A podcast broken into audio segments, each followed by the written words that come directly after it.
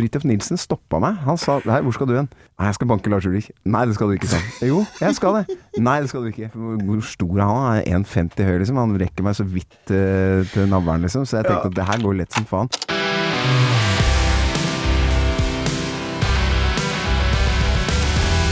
Gammal Maiden. Nei, herlig ass, at du hadde litt fri akkurat nå, for det er litt travelt, eller? For min del så er det Det begynner å dra seg til. Det har vært eh, sånn et par-tre rolige uker. Da rakk vi det akkurat, da. For det kommer album snart med fullt band, eller? ja, da skal vi liksom på et norgesturné med fullt band. Det er kjempefint. Har du hørt noe på sånn at du vet litt hva det handler om, eller? Så er jeg klar for å bare Jeg har hørt et par episoder. Ja.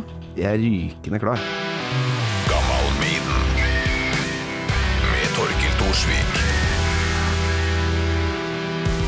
Jarle Bernhoft, hjertelig velkommen til Gammal Maiden. Tusen, tusen, tusen, tusen takk. Det her er en stor ære for meg, må jeg ærlig innrømme, altså. Så herlig, ja. Ja, og veldig kult at du har hørt om Gammal Maiden og, og, og faktisk eh, spør om å få komme. Ja, jeg følte at jeg masa meg litt på, men det var, det var hyggelig å bli å, å få ja, da.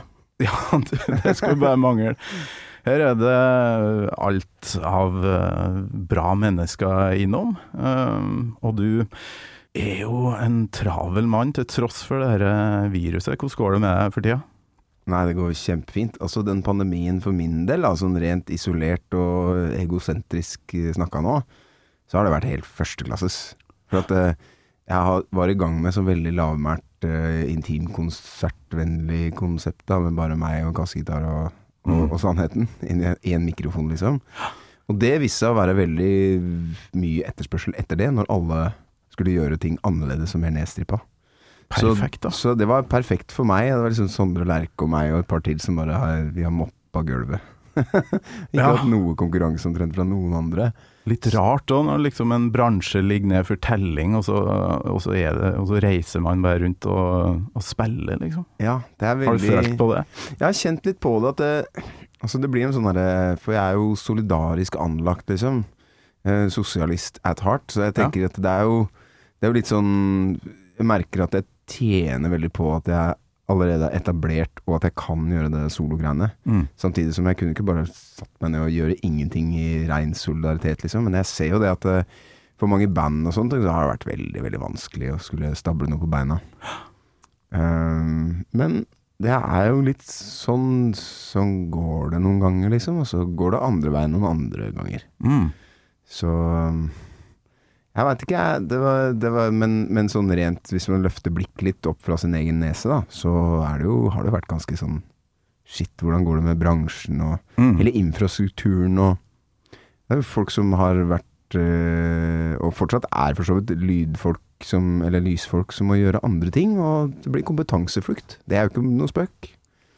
Men jeg må jo også si grattis med album som kommer september. Hva? Ja, 24.9 kommer ny ny Ja, skive. Grattis. Eh, når spilte du inn det, da?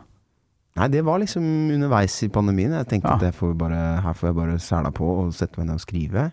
Enkelt å få tak i folk, da, kanskje.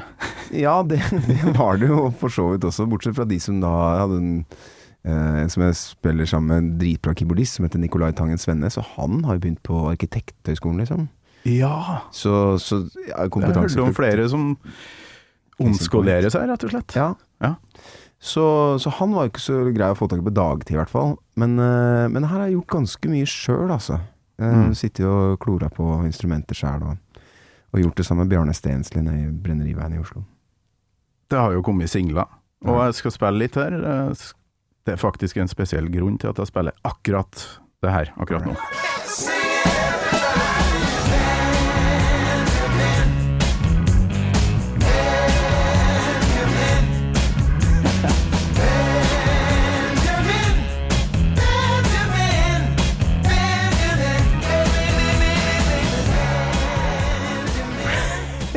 Sitter og danser her, ja. Ja. Jeg er jo glad, blir jo jæk, jækla glad av det. Eh, jeg er spesielt, for jeg har en to og, en halvt, to og et halvt år gammel gutt som heter Benjamin. Oh. Ikke Benjamin, men Benjamin heter han jo på trøndersk. Da. Benjamin. Benjamin. Han si det eh. Og det her, det her har jeg skjønt en eh, For du har en gutt du òg, med, med det navnet. Fireåring. Fireåring, ja. Mhm. Og det begynte Det var Benjamin som begynte den låta her. Han der skifta bleie på den, så begynte jeg å brøle ut navnet hans. Og så, så blei det til en låt. Og så tenkte jeg for å skrive et vers til storebroren hans òg, som ikke fikk noe bleieskiftvise. ja. For første refrenget, der er det Samuel. Ja, det er Samuel, da. Og så det er, det er veldig, veldig gøy at de liker den låta, begge to, foreløpig. Så jeg får håpe at eh, Jeg får håpe Eller jeg veit da fanken. Det Jeg- kan bli kleint når de kommer opp i Det er litt det, vet du. 17-18 Hvis den låta der blir en hit, og det som foreløpig har det liksom ikke brent opp hitlisten verden over akkurat da, men, eh, men hvis den blir det, så kan det hende at det blir kleint når folk begynner å synge det når de kommer inn i rommet så Ja, ja, det, det, det er meg. Mm. Ja, det der med pappa driver med musikk, det er ikke bestandig så stas eh, når, når de kommer litt oppi Hvor gammel er Samuel, da? Han er elleve. Ah, da begynner det vel å bli litt flaut. Ja, nei, jo, kanskje. Jeg er ikke sikker. Det, det er han på grensa til et eller annet som, som er litt annerledes. Men eh, nei, jeg synes det var Han har takla det der veldig, veldig fint, han altså. Det var jo litt sånn at det, det begynte jo å litt, ta litt fyr i butikken min akkurat idet han kom. Ja. Eh, eller altså, jeg skrev veldig mye av de låtene til Solidarity Breaks, som ble liksom der gjennombruddsskiva mi, da. Mens jeg hadde pappaperm. Så ja visst. Er det ikke nøyaktig ti år siden det virkelig tok fyr Jo. for din del? Og 2011. Da, så han er på sett og vis eh, Det var jo veldig mye sånn fokusering av eh, tankekraft og musikalsk skapervilje. Som blei sånn veldig fokusert av at han var der og krevde sin plass, han òg. Mm. Så jeg har på en måte han å takke for veldig mye. Og så har han på sett og vis, på et rart vis, seg selv å takke for at jeg ble så mye, var så mye borte. Ja, ikke sant. Litt, litt trist å tenke på. Ja, for da var det vel vanskelig å holde seg hjemme, da. Det var jo vel da det Jeg har jo faktisk et klipp her av uh, kløpt sammen litt sånn Du er kanskje lei av å høre på det her, men jeg syns eh, det er et eh, stort øyeblikk for norsk eh, musikk. Der fant jeg den. Come on and talk to me. I will try my utmost to be honest with you. Try to be honest with you every single word. Come on and talk to me. I will try my utmost to be rhythmical. Try to be. Come on and talk to Eh, me. på ett. Try Ja. Jeg måtte øve noe. Ja, jeg krøssklippa litt her. Bra tysk.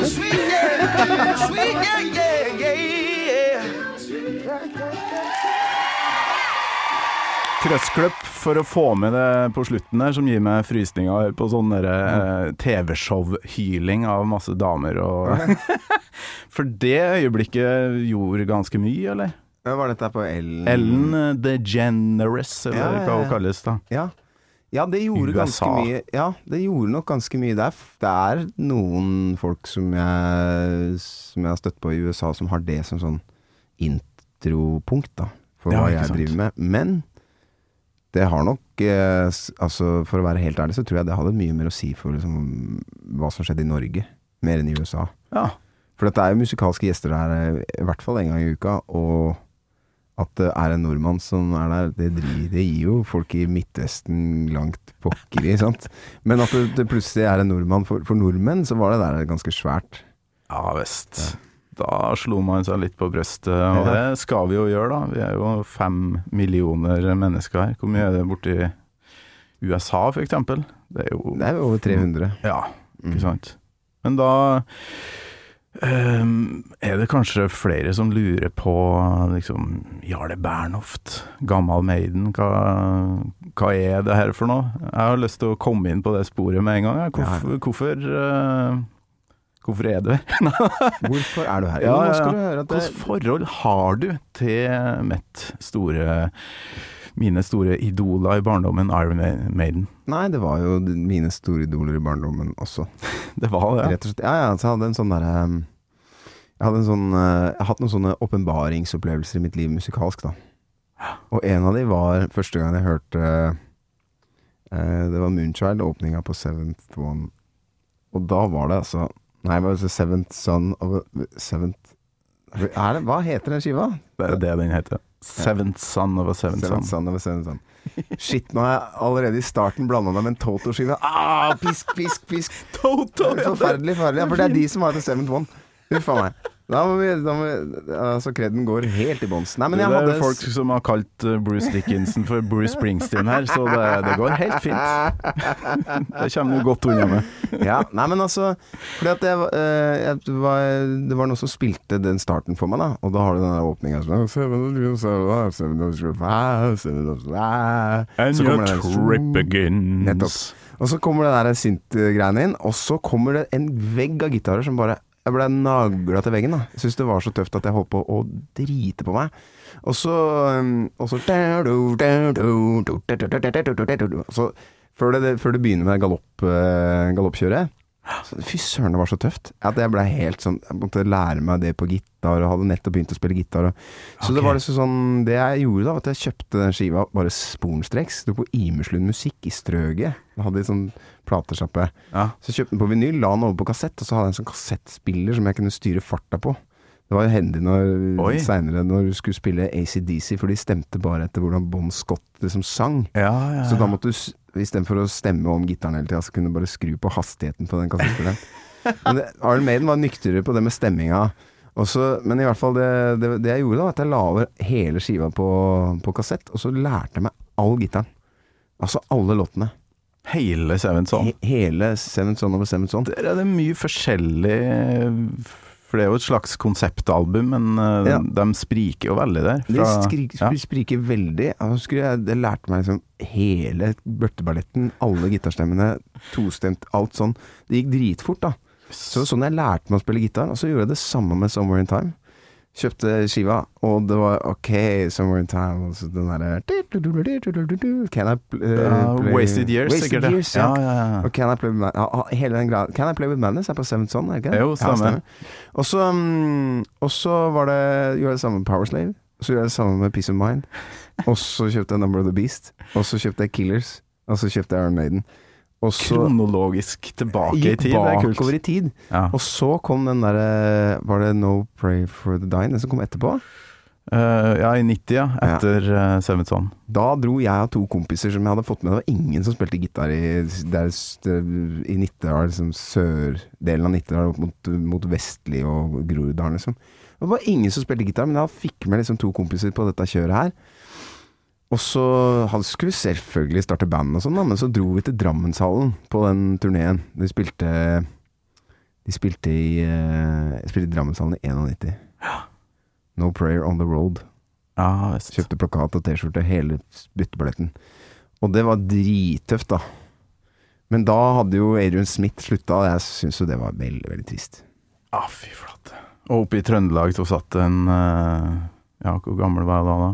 13-åring. Mm. Og gremtes for at jeg ikke kunne stå der sammen oh. med deg og se dette her. For Jesus, uh, Jesus. Yannick Gears eller Adrian Smith, det dreit jeg i akkurat da. Da ville jeg bare se Maiden. Ja.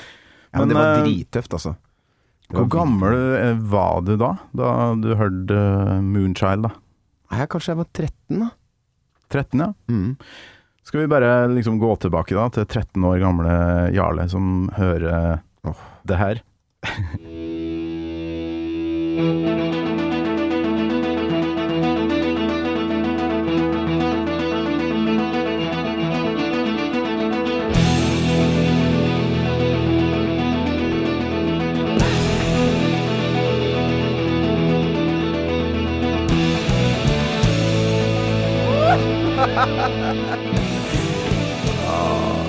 Du er på cymbalene, ja. du sitter og spiller cymbaler i studio her. Er Nico McBrain aldri, han spiller aldri på high-hat. Nei, bare der er det mye peiste cymbaler. Eh, Han kjører bare ride. Veldig mye ride. Men uh, har du da egentlig svart allerede på det faste spørsmålet um, Husker du første gangen du hørte ei Iron Maiden-låt? Ja, det tror jeg. Men jeg tror kanskje jeg hørte eh, Can I Play With Madness før det. Ja, ja, For Da jeg så på Sky Channel og musikkvideoer og sånne ting eh, da jeg var enda litt yngre enn dette her. For når er den skiva fra, liksom? Uh, Seven Son er 88. 7-88? Ja, ikke sant? Så, det, så jeg hadde ikke den skiva før sikkert 90, da. Dette gikk fort, altså. Ja, ikke sant? Sånn, kjøpe den skiva, lære seg alt. Kjøpe neste skive, eller Ja. forrige skive, lære seg alt. Det er en veldig bratt læringskurve gitarmessig. Men, uh, Men du hadde akkurat begynt, og så lærte du deg Seventh Son på gitar? ja, jeg var kjapp i starten, altså.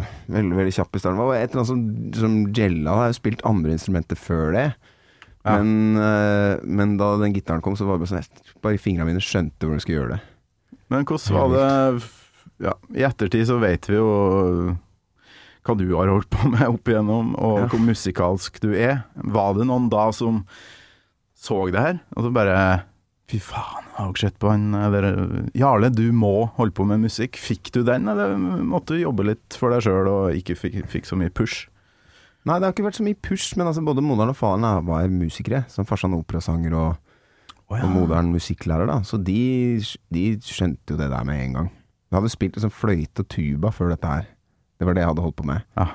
Og litt piano, men det fikk jeg ikke til. Det er veldig rart med det. Fingra liksom får til gitar, men det får ikke til piano. Selv om moderen egentlig er pianolærer, så ble det da bare helt uh, tøyste for meg. Jeg har jo sett deg spille Du spilte jo piano, piano på en sånn um, akustisk uh, YouTube-video som kom nylig. Ja, jeg lærte meg Satt meg ned og tok meg faen på at jeg skulle lære det her instrumentet veldig mange år seinere. Jeg satt aleine i London og, og ikke hadde noe penger til å drikke øl med kompisene. Og så var det et piano i stua. Da ble jeg litt sånn Nå må jeg ta meg sammen og lære dette her.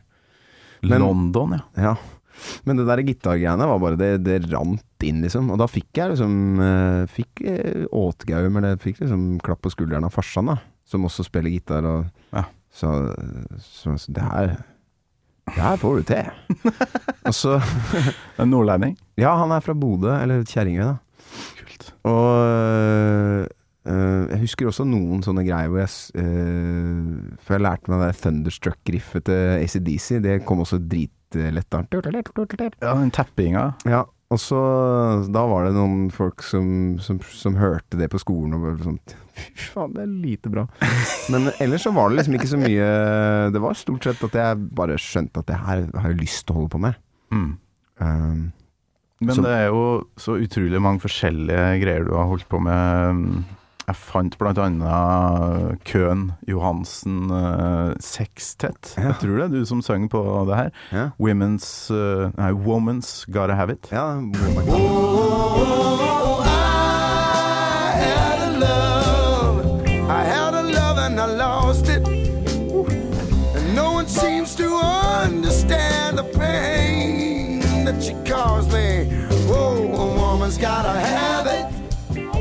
Nydelig. da. Hva syns du? har Sett og hørt på det her nå i dag? Ja, han er hes i, hes i hersen, ass. Det tenkte jeg på. At du var mer has der enn du er nå. Altså Det som skjedde der, var Nils Olav gjorde sitt vers først, og så satt vi og drakk whisky i kontrollrommet mens vi hørte på. Det skulle jeg aldri holdt på med rett før jeg skulle inn og synge sjøl, så den, ble, den stemmen ble bare helt sinnssykt harva. Men det blei fint, da.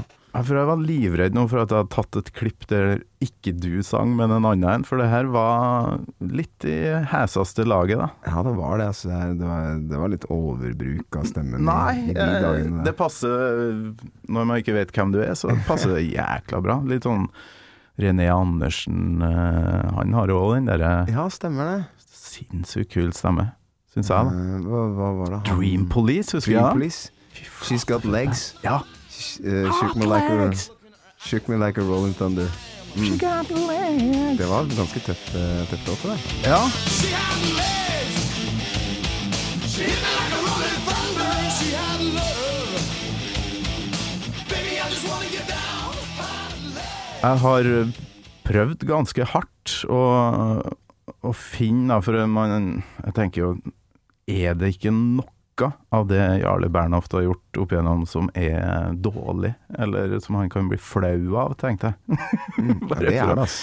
Nei, men jeg prøvde å sette, liksom, finne noe for å sette deg ut. Så fant jeg ut at du hadde et band før Span som heter Explicit Lyrics. Det var det jeg tenkte på. Og så så, så, så, så jeg på låtlista der. Okay. Wet Dreams, den er sikkert utrolig eh, klein, tenkte jeg. Men mm. uh, så hørte jeg gjennom alt sammen, og så er det ingenting jeg får tatt deg på. Men vi kan jo høre.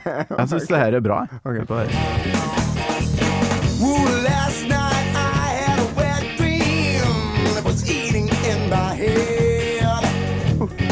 Lovely girl, she came up to me and said, I need a good shag, baby. I thought I would fame when she took off my clothes.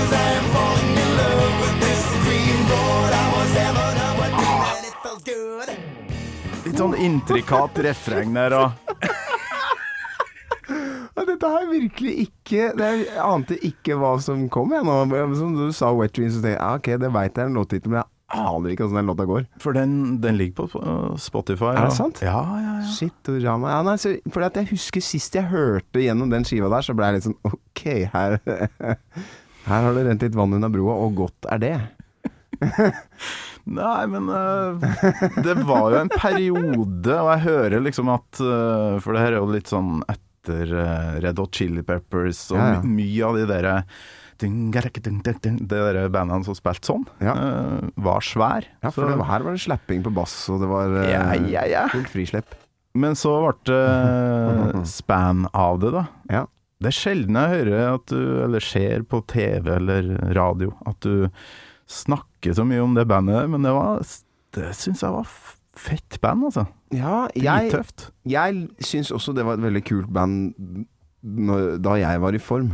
De gangene jeg var i form, så var det liksom dritbra. Okay. Eh, men det var Altså, det var et tøft band når jeg ikke var i form også, men det var, det var ikke noe særlig vokalist av meg. Den derre Kønn Johansen-hesheten blei jo en sånn hemsko for meg etter hvert, da. Ja, du fikk Du ble Hvis du hadde mange eh, konserter på rad, altså. Ja, det skulle ikke så mye til, skjønner du. Jeg tror jeg var sånn øh, hadde høy skuldre på det også. Det blir en sånn selvforsterkende dum spiral mm. uh, av å tenke for mye på det. Men uh, det var liksom hadde noen opplevelser av at uh, jeg sto bare peip, liksom. Og så er det et drita muskuløst band som du skal prøve å fronte og være være og høres gjennom, da. Men det var ikke Du var jækla energisk, husker jeg. Ja, Eh, på scenen òg. Tror faktisk vi spilte samme kveld i Trondheim en gang. ja. Eh, På en husker ikke om vi ute? var, var sikkert før dere. Utefestival, ja. For jeg husker da sto dere med alle var- med solbriller. De, de, men dere trengte det òg, for det var, så, det var så sterk sol på scenen. Husker du at vi hadde solbriller? Ja, ja. Ja, Pilotbriller, sikkert. Eirik. Øyen med svart, uh, svart Les Paul og pilotbriller. Jævla bra. Uh, for da sto jeg nedi der, og jeg vet ikke om du var i form da eller ikke, men uh, det er et klart minne for meg, og det er ikke for å gjøre deg forlegen, men jeg sto der, og jeg er vokalist sjøl, kanskje nettopp gått av scenen, og så tenker jeg sånn Faen ta han fyren der. Han, han har det bare medfødt, han, mens jeg må stå og late som. Tenkte. For jeg syns det virka Jeg syns det virka uanstrengt, da. Jeg syns du Ja. bare sang jævla bra, og det så ikke ut som du måtte øh, slite så jævlig som jeg måtte på den tida. Ja, men det kan hende at jeg var i veldig veldig god form den kvelden her. Det skal jeg ikke borge for. Jeg, jeg klarer ikke å huske helt hva vi gjorde. Men um, Men vi må høre, øh, for jeg syns det riffet som kommer etter det refrenget her ja. Det har jeg gode minner Det gikk jo veldig mye på Swish, og det var jo nachspiel, ikke sant? Ja. Det Swish på NRK2, Mm. og det var jo alltid nachspiel, og da sto det på. Og da husker jeg den her Don't Think The Way They Do-greia her. Ja.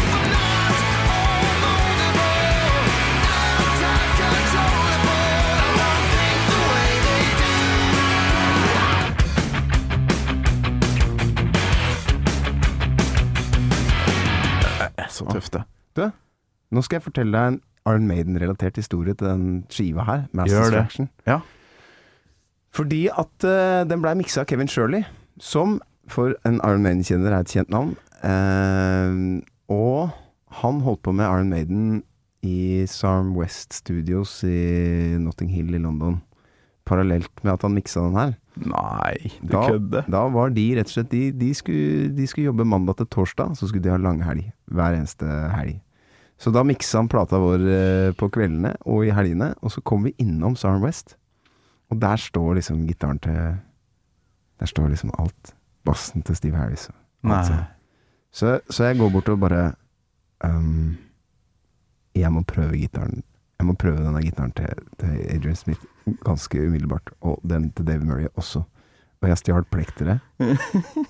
og så fortalte, fortalte Kevin at eh, de, de veit ikke åssen de skal få opp De har sånn der, sånn kjøleskap og rack, eh, rack-moduler og sånne ting. De veit ikke åssen de får lyd i sin egen stæsj. De må ha teknikere til å gjøre det. Jeg syns det var jævlig søtt, da. Eh, men rett og slett, den lyden her, du kan høre det på trommene at de låter ganske likt som, eh, som de, de Maiden-greiene som, som Kevin Shirley har, har gjort. Du, det var helt rått! Ja, ja. Det visste jeg ikke. Der kan du se. Kevin Shirley. Kevin. Han liksom tok det mellom slaga. Det, Han tok det mellom slaga, og så blei det litt sånn komplikasjoner òg, fordi at han er jo amerikaner. Og så hadde han dratt på ferie til Cuba, og så blei det clampdown av eh, Bush jr. som som uh, syntes at nå, nå skal det være helt uh, umulig å komme seg til Cuba, men det gjorde også at Kevin sjøl ikke kom seg fra Cuba. så det ble en sånn jækla krise, så vi venta med og trodde som at alle tidsperspektivet kommer til å ryke helt, da.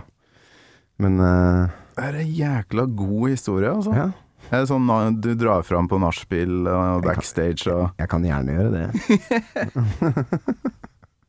Men det veit ikke, det vet ikke gutta i Iron Maiden at jeg, at jeg tok eh, klassa på gitaren deres. Jo, jo, jo. De har helt sikkert fått høyere det av Kevin. You know that spam dude? Ja, ja. Ja, jeg veit ikke helt. oh, Men det er bra riff. når Jeg er enig i det der, det der Don't Think The Way To Do-riffet. Det er drittøft. Det er Fredrik, eh, trommeslageren, som kom opp med det. Jeg husker- synge det. Nachspiel, eh, den kom på Swish. All opp og For det er sånn, den, sånn hakking med plektre. Ja. Det er så tøft. Du må være Alle tenker at det her er oppbrukt, vi kan ikke lage en sånn låt. Men når jeg hører sånne låter med den måten å spille på, så blir jeg like glad hver gang. Ja, det er jo et godt gammelt metal-triks å legge håndbaken på strenga og så bare dempe det sånn. Men hva skjedde, da? Det høres ut, høres ut som dere ble satsa på, dere var i London, og det var masse greier. Ja, det var vel egentlig Det som skjedde, var vel at det var en kraftig satsing, og så da må du svare liksom i form av suksess og sånn, ellers så blir du droppa. Det var det, vi, det vi blei. Og der og da føltes det egentlig ganske digg, for da var det snakk om ikke sant, at vi skulle til USA med Roadrun Records som, som utgiver, og da så vi liksom for meg at ok, hvis vi skal turnere den skiva her i, i et par år til, Mm. når den allerede hadde vært Altså Da den kom ut, så hadde vi hatt den under beltet i nesten altså, halvannet år, minst.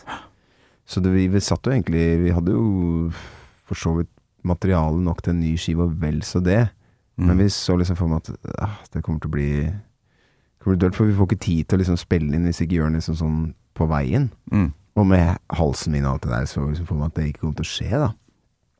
Så vi blei droppa av eh, Island, som vi hadde signa med, og det føltes egentlig veldig sånn lettende. Så da bare klinte vi til og gjorde neste skive på, på egen hånd. Ja. Versus Time-skiva. Men da var allerede liksom Kanskje lufta var litt ute av ballongen for min del. At jeg, jeg kjente litt på at jeg hadde lyst til å gjøre andre ting. Og var litt sånn Kanskje litt sånn desibel-lei òg. Ja. Men eh, s- all soul-greia, funky ting og sånt, det har du hatt med parallelt hele veien, eller? Samtidig Ja. som du har holdt på med rocke... Ja. Ja. Jeg kan høre det spesielt på den, den andre skiva til Span, så hører jeg at det er en fyr som prøver å gjøre noen greier som, som er litt mer sånn tonalt uh, ute i det soul-landskapet. Um, fordi at en annen sånn åpenbaring for meg var å høre Sly the Family Stone første gang. sant? Det var jo parallelt med at vi satt og venta på at den Span-skiva skulle ut.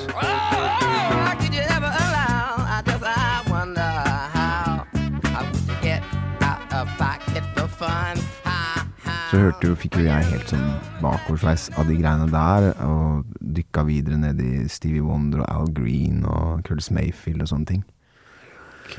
Så Ja, det var, det var mange ting som skjedde parallelt, men uh, det føltes liksom mye mer uh, som at jeg hadde Ja, at uh, utviklinga mi gikk fortere enn det et band kan gjøre når det er sånn multinasjonalt. Skjønner du? Ja. Det sånn, å Det var egentlig tanken med Span fra begynnelsen, at det skulle være liksom en kjapp, manøvrerbar liten, liten båt. Mm. Så blei det liksom, i kraft av den satsinga, så blei det litt mer tankskip, og det tar mye lengre tid å Svinge hit og dit, ja. Ja, ikke sant?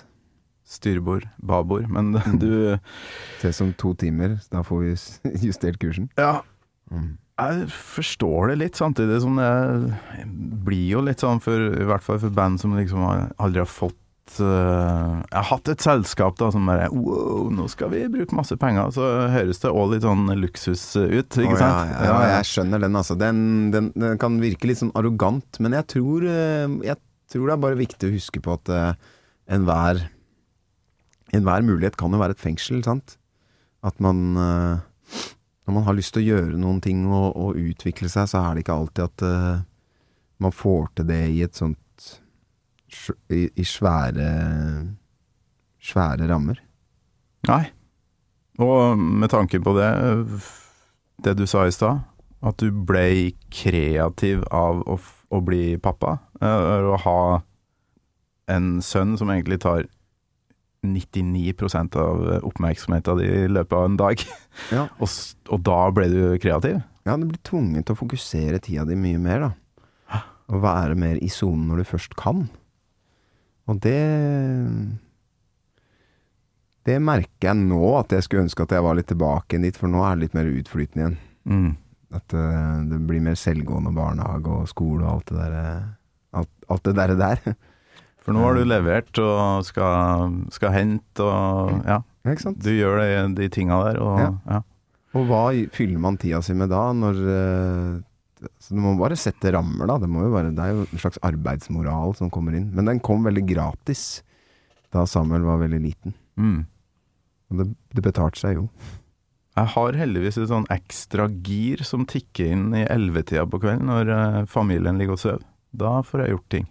Det får jeg òg. Og det her blir helt grus klokka seks om morgenen jeg må opp. Hvis jeg, hvis jeg setter eh, fartøyet i gir Ja. klokka elleve. Ja, man skal være forsiktig med å gjøre det hver kveld, Mhm. men noen å skeie ut innimellom, det må man jo nesten få lov til. Og i hvert fall for det når det har blitt jobben din. Men jeg syns det er godt å høre at uh, til og med du hadde den derre Faen, har jeg stemme i morgen hvis jeg trykker på noe? Eller at du fikk den angsten, da. Ja, ja. Det syns jeg er litt artig å høre. Men har du hatt noe sånn problematikk i ettertid med solomateriale? Ja, lite grann, ikke så mye. Jeg tror egentlig jeg har bare blitt mye bedre på å være rolig på det. Det kommer til å ordne seg, liksom. Det er flere ganger jeg våkner opp om morgenen og tenker eh, Og får litt sånn gamle tankemønstre inn i huet at shit, nå er det helt krise her. Mm. Og da er det viktig å bare puste med magen og spise frokosten og gå i dusjen og gjøre de der vanlige tinga. Så Og ikke Altså- stå og prøve å kremte opp stemmen. helt krise. Ja. Den bare harver opp eh, Det er som å snitte opp stemmebånda med barberblad, liksom. Du skal bare ta det helt med ro, og så vente med kvelden Vente med å synge til kvelden. Men så kommer det alltid noen bort eh, på hotellfrokost og 'Hei, takk for sist', og så må du bruke stemmen, og så kan, det- Nei, kan det gå galt igjen. da må du bruke nevene. Hvis det kommer noen sånn på frokosten, så må du bare kline dem rett ned. Nei, jeg gjør ikke det, altså, men eh, jeg er ganske, jeg er ganske kort. Jeg er ganske kort på frokosten hvis jeg føler at jeg ikke Spesielt med sånne folk som har, kommer rett fra fest. Det gidder jeg ikke, ass. Den er kjip. Det er så kjipt, det. Men ja, flakse hit og dit, den podkasten her, sånn skal det være. Eh, For nå har jeg glemt å spørre eh, hvilken låt da fra den her eh, ja, tidlig Maiden-perioden der du oppdaga med Har du valgt? Wrathchild. Wrathchild. Oh yes. Åpningsstemning. Ah.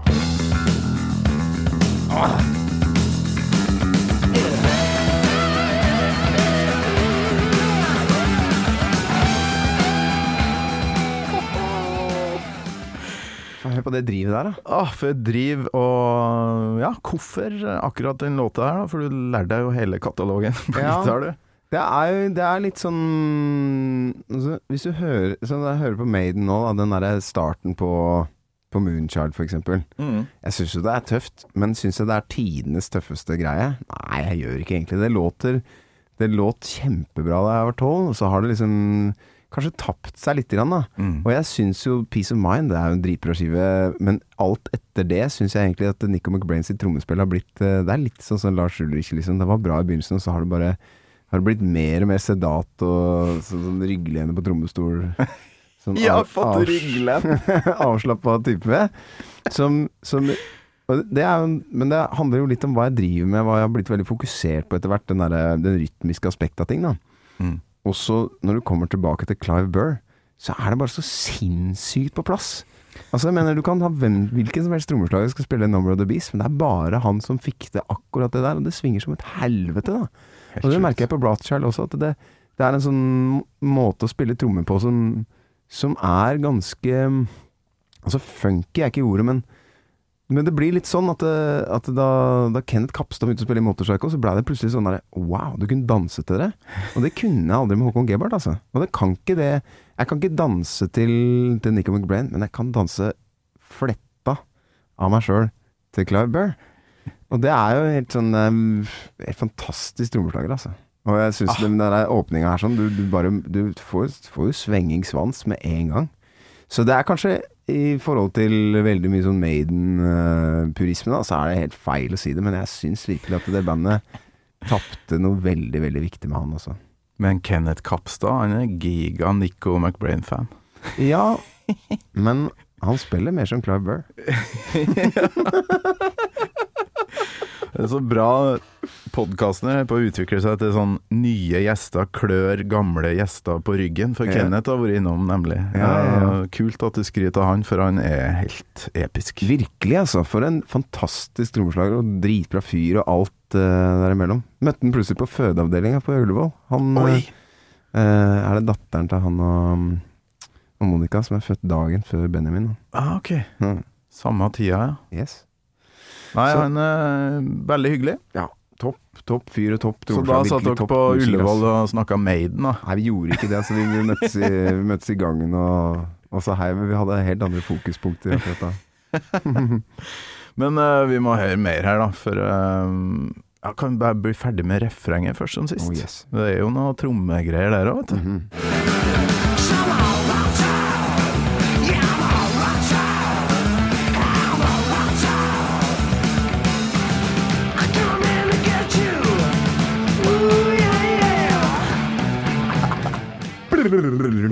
Altså foran Så er det sånn der trommebrekk som er så drittøft. Jeg vet ikke om jeg har det her akkurat nå. Altså Nico McBrain har det på åpninga av Peace of Mind også.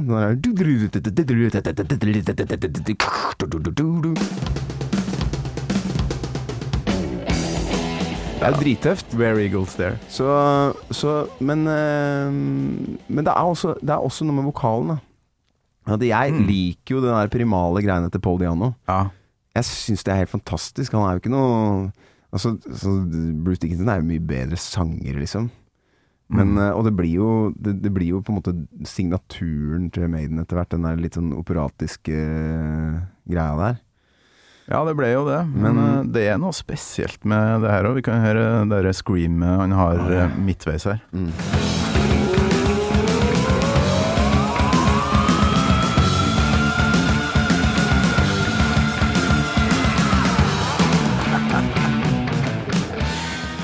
Altså, sånne skrik får jo en annen dimensjon når det ikke er teknisk bra levert, når det bare er et jækla kult scream. Ja, for man må høre litt for seg hvordan Bruce Dickinson ville gjort det der. Det hadde vært uh, mer bravur. Det har vi hørt. Litt mer eh, Det blir også litt mer spytta ut av en Verdi-opera, da. Ja, helt, uh, helt vilt. Og det Clive Burger-greia er vanskelig å sette fingeren på, syns jeg. Hva er det med det For live så spiller han jo òg fantastisk, men litt sånn fortere, da. Og utrolig sånn uh, Stressa trommis, uh, virka det som. Uh, Ja. Liker å spille fort, så kanskje han er litt mer sånn punk. At han hadde noe punk i seg. Ja. Ja det kan tenkes. Jeg, sånn, eh, jeg har jo Nå må jeg Nå står jeg til, til på tiltale her. Har jeg hørt Clive Burr spille live noen gang? Det er jeg søren ikke sikker på. Men Jeg har ikke stått i salen og hørt det, men det er jo x antall eh, opptak da, som ligger ut fra blant annet første gigen på Hammersmith med Bruce. ja. Helt sjukt. Ja.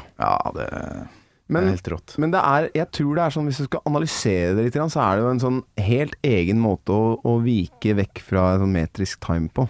Altså Du har sånne trommeslagere som er veldig, veldig på timen, helt sånn, sånn, sånn sykelig nøyaktig. Mm. Det er for meg litt lite interessant å høre på.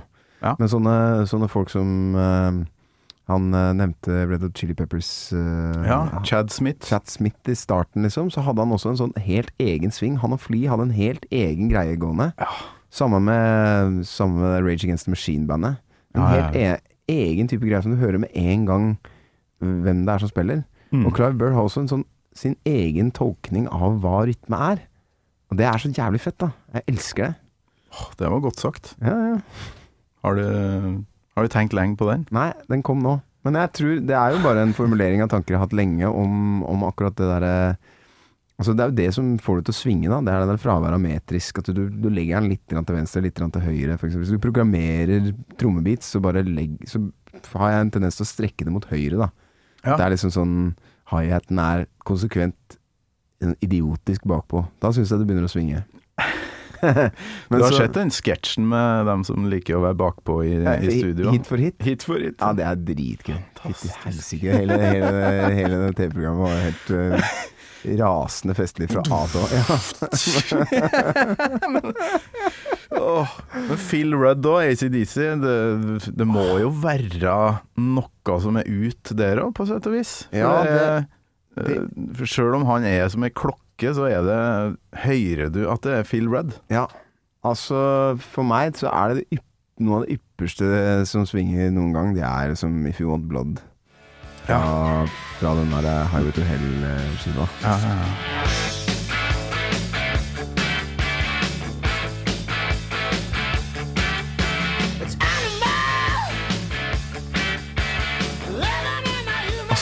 Søren. Det, det, er så, det er så bra. Det er, jeg klarer ikke helt å definere hva det er, men det er, du får den der Som selvfølgelig det, The Young Brothers er, det, det svinger jo noe så helvete bare det, ikke sant? Ja. Men virkelig, altså, Phil Rudd er jo en, en av mine absolutt største helter. Helt vilt. Mm. Går du Ja, når du lager album og skal ut på turné og sånt, hvordan tenker du når du skal finne trommiser, for eksempel? Da? Nei, jeg har jobba veldig mye med Fredrik, både, både i span og, og etter det også. Um, Ja. Så, så Men litt sånn den skiva Den forrige skiva mi, som heter Humanoid, det var en sånn bandskive. Og da var jo både Vemund som spilte også i span i første utgaven, og, og Fredrik var med der. Og da tenkte vi faktisk eh, ganske mye på ACDC, hvordan vi bygde det opp. Hvordan Ja. du, du stokker ting, og hvordan du vektlegger ting frekvensmessig i lydbildet for å få det til å liksom være perfekt musikalsk eh, Lego Mm. i et sånt rock'n'roll-band-format, da.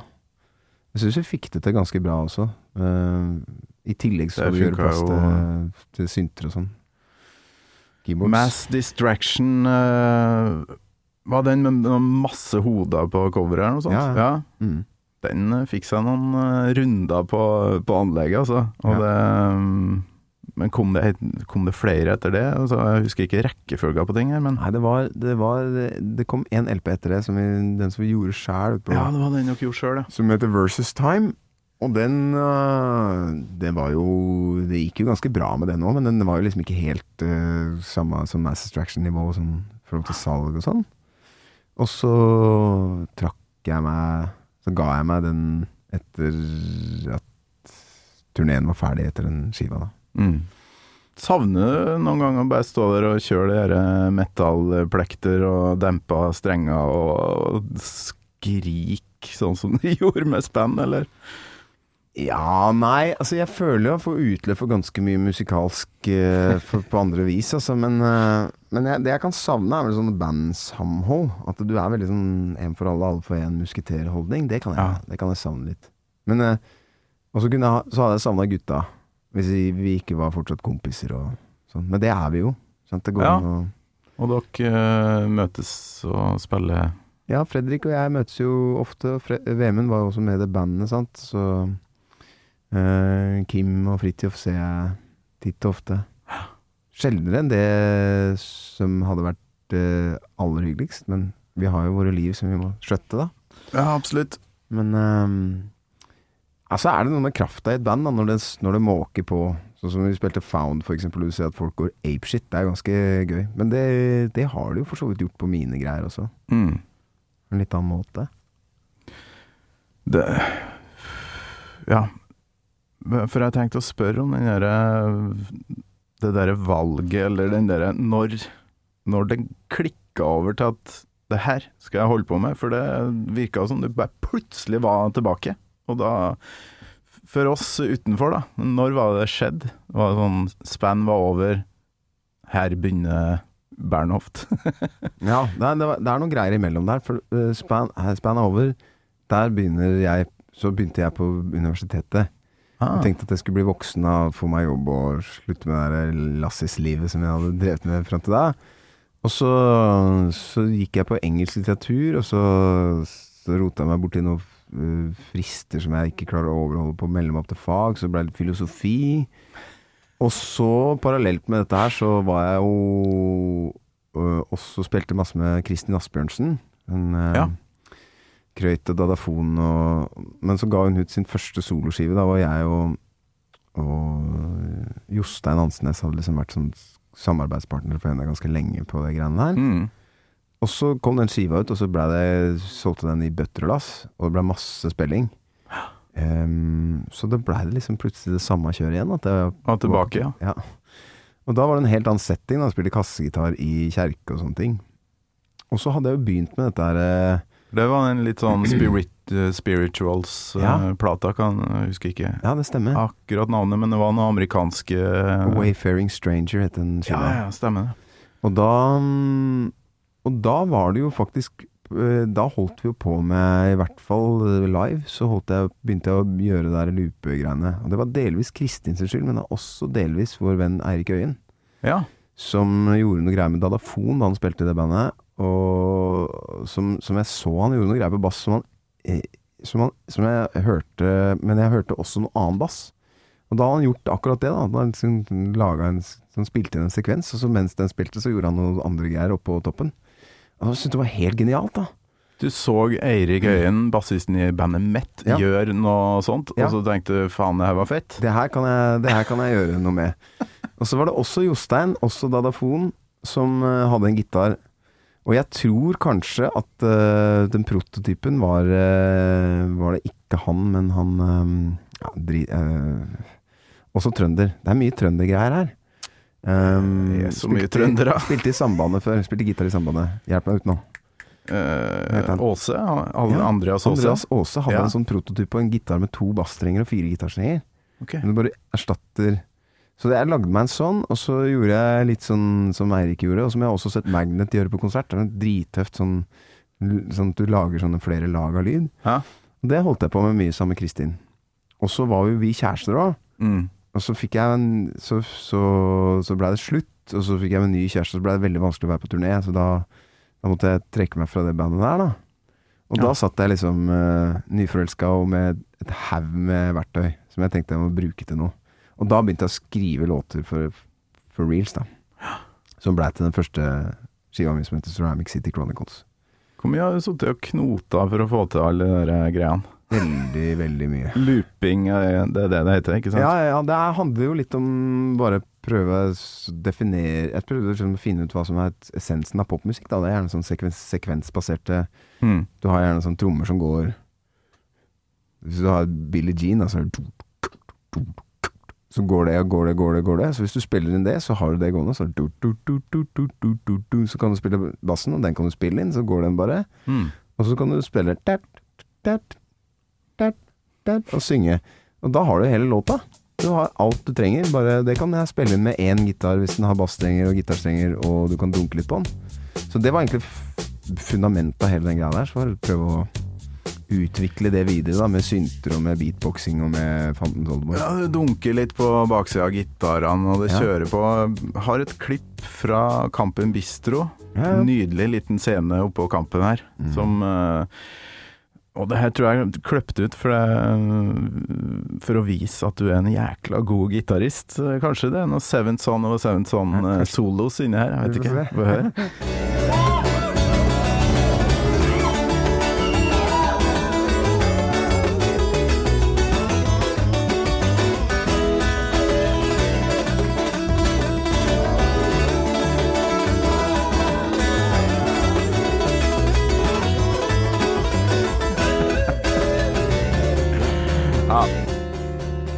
tar jo helt av her, men det her er jo kun deg, da. Altså alt i bakgrunnen er uh, da loopa ting. Må, må jeg ha applausen her. Jævlig stemning det på konsertene dine. Ja, du verden. Ja, Ja, men her- ivrig, ivrig høyrehånd på gitaristen her, gitt. Ja, det var det jeg ville ha fram til her, da. For du Det er ikke alle som kunne ha fått til det der, øh, å være sånn halvbra. Så du Du er jo en jækla bra gitarist, og det er ikke Ja. bare den stemmen som alle snakker om. øh, Nei, du skal ha takk, altså. Jeg har jo liksom det er, det er sikkert litt av Maiden, men også i hvert fall Metallica. Da, jeg lærte lært meg de låtene der. For det skal jo spilles på bare på Du gikk gjennom hele den katalogen òg, eller? Ja, jeg måtte det. Altså, det var broderen som var den største Metallica-fan, så jeg tenkte jeg skulle få liksom eh, få, få litt mer respekt da, fra han. Uh, så jeg lærte meg det òg. Og, og der er det sånn Jeg tror han Jason Newsted Han fikk jobben som bassist mest fordi at han var den eneste som var kjappere enn Hetfield i høyrehånda. Mm. Bare på nedoverslag. Jason. Newsted er min favorittbassist i Metallica. Ja. Alle snakker om Cliff Burton, det er kult det, men øh, det var han som var der da jeg begynte å høre på det. Så da, Ja. da er det Jason for min del. Nei, jeg kan være enig i det, altså. Syns han så så tøff ut og barbert på sidene og headbanga. Sånn windmill eh, headbanging. Vil du ha en nachspiel- nachspiel-historie til? Ja. Ok, her kommer den. Det er Metallica i høysetet her nå. Ok. På Kerrang Awards i 2005, tror jeg. Så var, det var i, i et sted i sør-vest-London, også på et hotell. da. Og så var det Hele festen var sponsa av Jegermeister, så det ble, det ble konsumert ganske enorme mengder av det. Og jeg hadde også en fyr som satt ved siden av meg, en, eh, en dårlig kompis, som hele tida putta ting oppi, oppi glasset mitt. Og jeg trodde det var mest sånn kaffebønner som lå rundt omkring på de, de, de bordene. da. Okay. Men jeg, jeg kan ikke borge for det, for jeg blei altså overstadig dritings. Og jeg blei um, tilbøyelig til å slåss. Å ja. Eh, noe jeg veldig sjelden blir. Jeg er ganske pasifistisk anlagt eh, herre, da. Men så var Metallica der og fikk sånn der Lifelong eh, Achievement Award. Og så, og så blei jeg etter hvert så kjent at jeg begynte å fyre meg opp fordi Lars Ulrik var blitt så dårlig til å spille trommer. At jeg um, Jeg fikk en fiks idé, at jeg skulle gå bort og bare knocke han rett ned. Og han er jo Hvor stor er han? Han er 1,50 høy, liksom. Han rekker meg så vidt uh, til navlen, liksom. Så jeg tenkte at det her går lett som faen. Og Kirk Hammett også ti- bitte liten. Og James, mm. uh, James Hetfield også. Det eneste som var liksom på min størrelse, var Jason Newsted. Og jeg tenkte, sånn logisk som fyllelogikk, da, at han kommer helt sikkert til å bare le. Han kommer ikke til å angripe meg i det hele tatt. Jeg kan ta de tre andre med hånd, ene hånda bak på ryggen. ja, for han var ferdig da, ikke sant? Ja, jeg tror liksom at det var så mye gnisninger, og i hvert fall med Lars Ulrich. Altså, han er jo en, for å si det mildt, han er jo en kuk. Det kan vi jo bli enige om. I ordets verste forstand, liksom. Så jeg, så jeg Og her, her Skandalen her er at det ikke skjedde. For det hadde vært egentlig det var legendarisk hvis det hadde skjedd. Og jeg hadde gjort det. Jeg var liksom på det planet der, men jeg fikk liksom sånn Fridtjof Nilsen stoppa meg. Han sa Hei, hvor skal du hen? Han så liksom at det var svart i øya. da. Nei, jeg skal banke Lars Ulrik. Nei, det skal du ikke, sa. Jo, jeg skal det. Nei, det skal du ikke. Og så Og snakk om opp som en bjørn og ned som en skinnfølelse. Jeg ble, lot meg overtale til å dra hjem istedenfor. Så jeg gikk ut i rundkjøringa utenfor det hotellet der og begynte å tenke på uh, hvor er det jeg skal? Jeg skal til nordøst-London, og her er vi sørvest. Så jeg begynte å gå rundt den rundkjøringa for å finne ut hvor som var nærmest. Ah, ok. Og så sovna jeg i rundkjøringa. Stående inntil en hekk. Det var sånn hekkplanta rundkjøring. Og våkna at jeg kasta på skoa mine. og, så, og så klarte jeg å praie en taxi og skulle si eh, Jeg bodde i 29 Mansfield Avenue eh, i, oppi, oppi mot Tottenham. Og så skulle jeg si det, og så skjønte jeg at jeg hadde mista evnen til å snakke. Så jeg, jeg klarte ikke å få fram Prøv å si 29 Mansfield Landing når du ikke kan prate, liksom.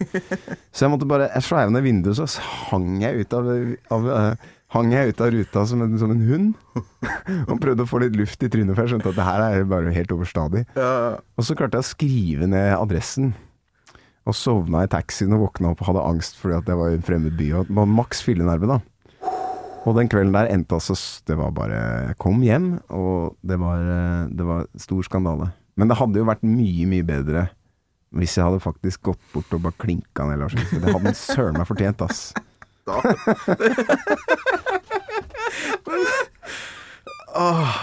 Tenk deg den eh, herlige publisiteten dere har fått eh, på det tidspunktet. Det hadde vært så jævlig bra, vet du. Ja, ja. Faen, eller hva var det han tenkte på, han der Fridtjof Nilsen? Det da du var skinna i tillegg? For det var en periode du var skinna, Ja, husker jeg. hadde ganske kort hår, så ganske bøs ut. Ja, for du gjorde det. Du så jævlig på videoene og sånn. Ja. Så du så jævla sinna ut. Jeg kan se for meg bilde fra ja, sånn uh, pausebilde fra en Ja. av de videoene. Ja. Jarle Bernhoft fra Span. eh, Nakker ned Lars Ulrich. ja. Det var jo eh, det var Rune Holme, som var da, lydmann til Dalafon. Han, han hadde datter som var veldig liten, så så, så videoen, og så så så han på faren sin og sa Mann sint? Mann sint. Mann sint?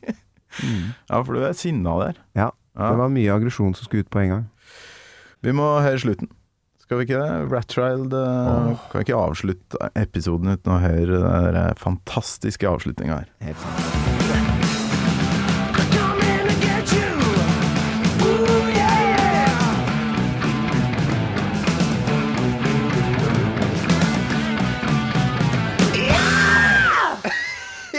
der kom det kom skriket. Du har ikke noe gig i kveld, så du må Nei. passe på stemmen. Jeg syns jeg fikk det ganske bra til. Jeg syns jeg burde kanskje Nei, jeg har ikke sjans. du må, du må dra Ja, det er veldig Det er en helt egen greie. Men uh, søren, jeg burde kanskje ha Burde kanskje klin- kanskje klint ned Bruce Dickinson isteden, så kunne jeg tatt over. Det blir ikke snakk om. Da får du med, da får du med meg å gjøre. Og 5000 gammal Maiden-lyttere. Ja, men jeg syns jo virkelig altså Litt av grunnen til at jeg ville klinke ned Lars Ulrik også, er at jeg syns han var sånn en kukat type. Men det er ingen, det er virkelig ingen i Iron Maiden som er noen kukat i det hele tatt. De er bare fine folk. Altså det, apropos det der med Clive Byrne, da, hvordan, de, hvordan de tok seg av han etter at han, eh, etter at han ga seg. Ja, helt fantastisk. Det er så fint, det. Ja. Jeg har så respekt for det greiene der. Jeg har ingen respekt for sånn Guns N' Roses-kukeri. Men Arne Maiden, spesielt sånn Dave Murray, han er bare en snill type, han. Fy søren, altså, for en, for en fin fyr. Det er litt av greia å elske det bandet så lenge som jeg har gjort. da Ja. Har jo hatt mine slags pauser, men kommer bestandig tilbake. For jeg ser jo, når jeg ser dem live, at eh, gjengen her er Det er the real deal. da Ja. Fantastiske folk. Ja. Den derre med eh, Lars Ulrik Altså, den største testen for eh, en artist, da, der du liksom fort blir avslørt om du er en drittsekk eller ikke, er jo når du skal holde en takketale på en uh, utdeling. Ja. Der viser det seg bestandig at Lars er han, Det må være noe sånn ego der, Ja, som, som veldig få andre har. Og hva trodde du hadde skjedd liksom bare kort tid før jeg bestemte meg for å knocke ned? Det var en takketale på den der jævla Kerrang Awards, sant? Du var akkurat sett den derre um, uh, Just wanna thank um, My, myself. Because without myself, this band would have not existed. Sånn der som har en thank Denmark. Merker at jeg blir aggressiv bare å tenke på det. Man sykler fort i oppoverbakke etterpå. Nei, det, men det hadde ikke skjedd med Det har ikke skjedd med Iron Maiden, det greiene der. Det er, de er hel ved tvers igjennom. Tror ikke jeg har sett at de har tatt imot en pris heller, dessverre. Det er liksom ikke noe sånn prisband. Nei, det, det er litt, uh, litt trist. Men, Jeg hadde en sånn Jeg hadde også en sånn uh, um, ja, det er for så vidt ikke noe Men jeg, jeg, det, var, det var en gang jeg ikke turte å innrømme at jeg var uh, Iron Maiden-fan. ja, Det har skjedd bare én gang. Det var, tror mange har hatt en sånn ja, opplevelse. for, fordi at jeg var, på, jeg var på turné med Joe Cocker i Tyskland. Jeg har fortsatt et veldig gammelt publikum. Da kommer sånne gamle folk på, på konsertene mine i Tyskland. Eh, de, Var du support? jeg var support for Joe Cocker. Og så Det var dritgøy. Og da var det var jo mye merch-bua etterpå, sant? for å prøve å øh, tjene, tjene de penga jeg kunne på dette her. Og da Ja, ja. sto det en fyr i merch-bua som heter Cod. Han ble kalt for Cod. Okay. Jævlig bra type. Sånn der ordentlig sånn i London-fyr. Cod. Torsk. ja. Han hadde så jævlig peiling på det, men det kom fram da at han var Millwall-supporter. Oh, ja. Og det er krise, vet du. Du kan ikke det- si at du er Iron Maiden-supporter, for de er, de er jo Det er West Ham-folk. Hammers, ja. Ja.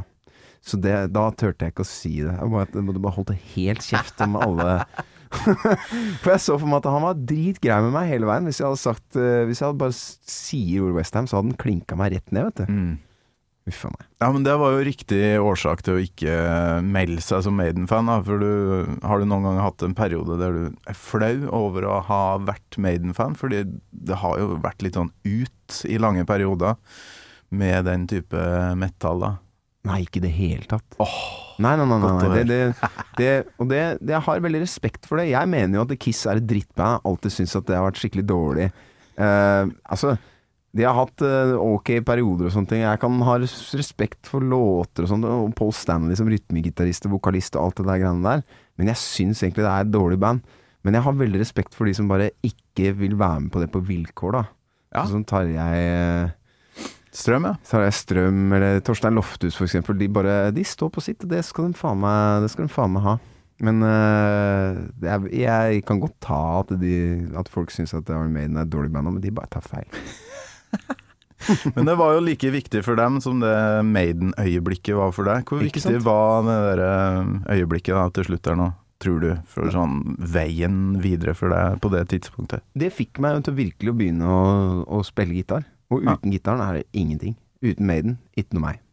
Ah. Så kan man jo diskutere om det er øh, positivt eller negativt, men øh, det har jo, jeg har i hvert fall Arne Maiden å takke for veldig masse. Det er jo topp tre, eh, liksom eh, siste ord i denne podkastserien, syns jeg. Ikke noe Maiden, ikke noe meg. Blir mye bedre på trøndersk, jeg. Jarle Bernhoft, det har vært veldig koselig, så tusen takk for besøket. Helt enig, tusen takk. Gammal Maiden med Torkil Thorsvik, en podkast fra Radio Rock.